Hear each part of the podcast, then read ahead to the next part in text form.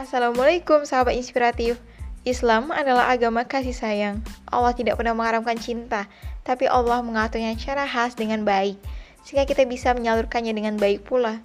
Tapi tidak dengan zaman sekarang. Dunia seolah-olah mengarahkan cinta ini dengan nafsu, dan ini yang dilakukan pada saat orang-orang merayakan Valentine Day.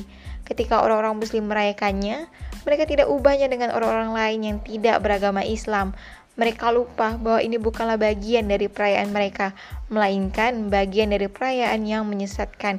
Benarlah sabda Rasulullah SAW, "Man tasyabbaha biqaumin fahuwa minhum." Barang siapa yang mengikuti suatu kaum, maka ia bagian dari mereka.